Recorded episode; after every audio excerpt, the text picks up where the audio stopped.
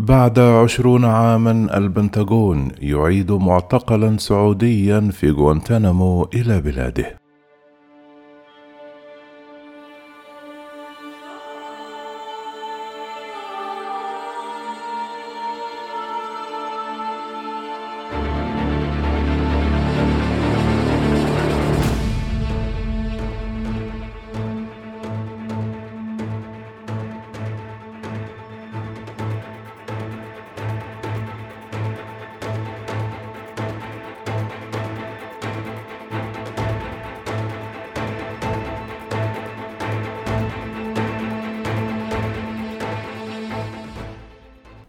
أعلنت وزارة الدفاع الأمريكية الاثنين عن نقل معتقل سعودي كان أمضى مدار عقدين من الزمان في غوانتنامو بشبهة السعي للمشاركة في اعتداءات الحادي عشر من سبتمبر إلى بلاده. قال البنتاغون في بيان أنه في الرابع من فبراير أبلغ وزير الدفاع لويد أوستن الكونغرس برغبته في إعادة محمد القحطاني إلى السعودية وبالتعاون مع شركائنا السعوديين أنجزنا الشروط المطلوبة لعملية نقل آمنة. أضاف البيان أن الولايات المتحدة تثمن رغبة المملكة العربية السعودية والشركاء الآخرين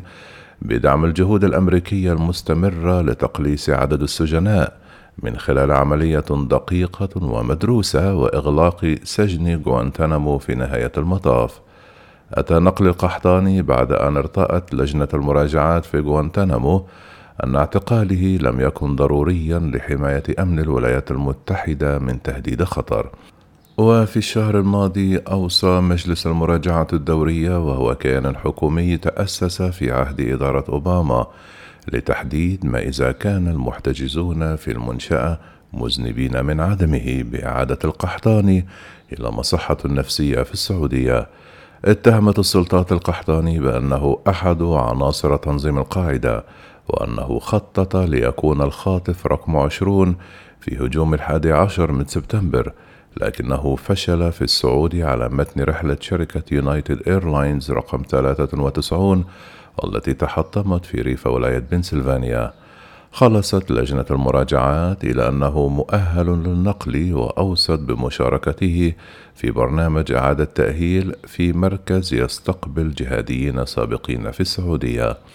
قالت اللجنة أنها أخذت في الاعتبار الحالة العقلية السيئة للمعتقل والدعم الأسري الذي قد يحظى به ونوعية الرعاية التي سيتلقاها في بلده والقحطاني كان من أول السجناء الذين نقلوا إلى غوانتانامو في يناير من عام 2002